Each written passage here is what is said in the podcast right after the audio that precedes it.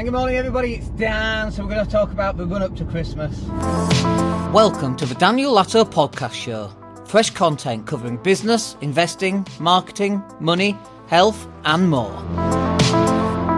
And good morning. Hope you're well. So, is it a run up to Christmas? Is it a run down to Christmas?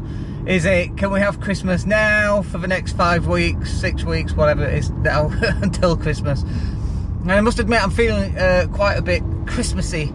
Uh, last night was uh, very foggy here in Spain, and it was freezing, and so it reminded me. It actually felt like bonfire night last night, but obviously, from a business perspective, it's really tempting uh, to feel like everybody else feels and just kind of take some time off and just slow down, get into the Christmas spirit, and blah blah blah blah blah. And that's awesome, right?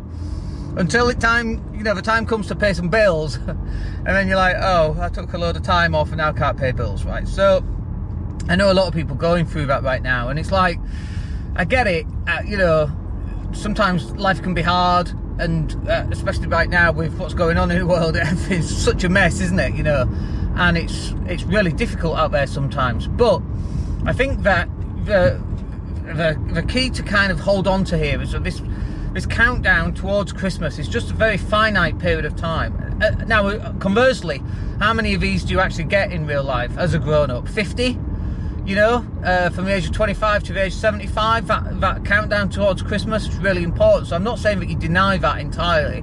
What I'm saying is that you have it in equilibrium with this concept of going out and making a lot of money, or making more money, or making plans for the future. You know, like nothing, nobody plans anything in December, which is bonkers for me because that's the whole twelfth of your life that you, what you're not allowed to plan for.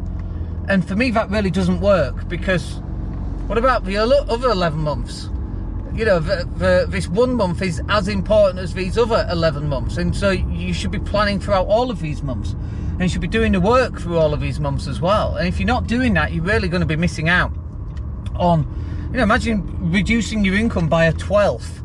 Uh, not working out at the gym. I'm just at CrossFit now. Not going to the gym a twelfth of your life. Like, you're going to ruin all your gains and so that's really important that you don't mess it up basically and that you're able to retain all the work that you've done for the last 11 months and not only retain it but build on it in december. So i get that it feels like christmas and wouldn't it be nice to just not do anything? And maybe that you're in a position to be able to do that, that which is awesome by the way and congratulations it's really good. But not a lot of people are and so for those people that aren't it's like come on guys Still got four or five weeks left to Christmas. Let's get some bloody work in. Let's make some goddamn cash. All right, hope that's useful. I'm at CrossFit. We'll speak to you on the next one. Take care.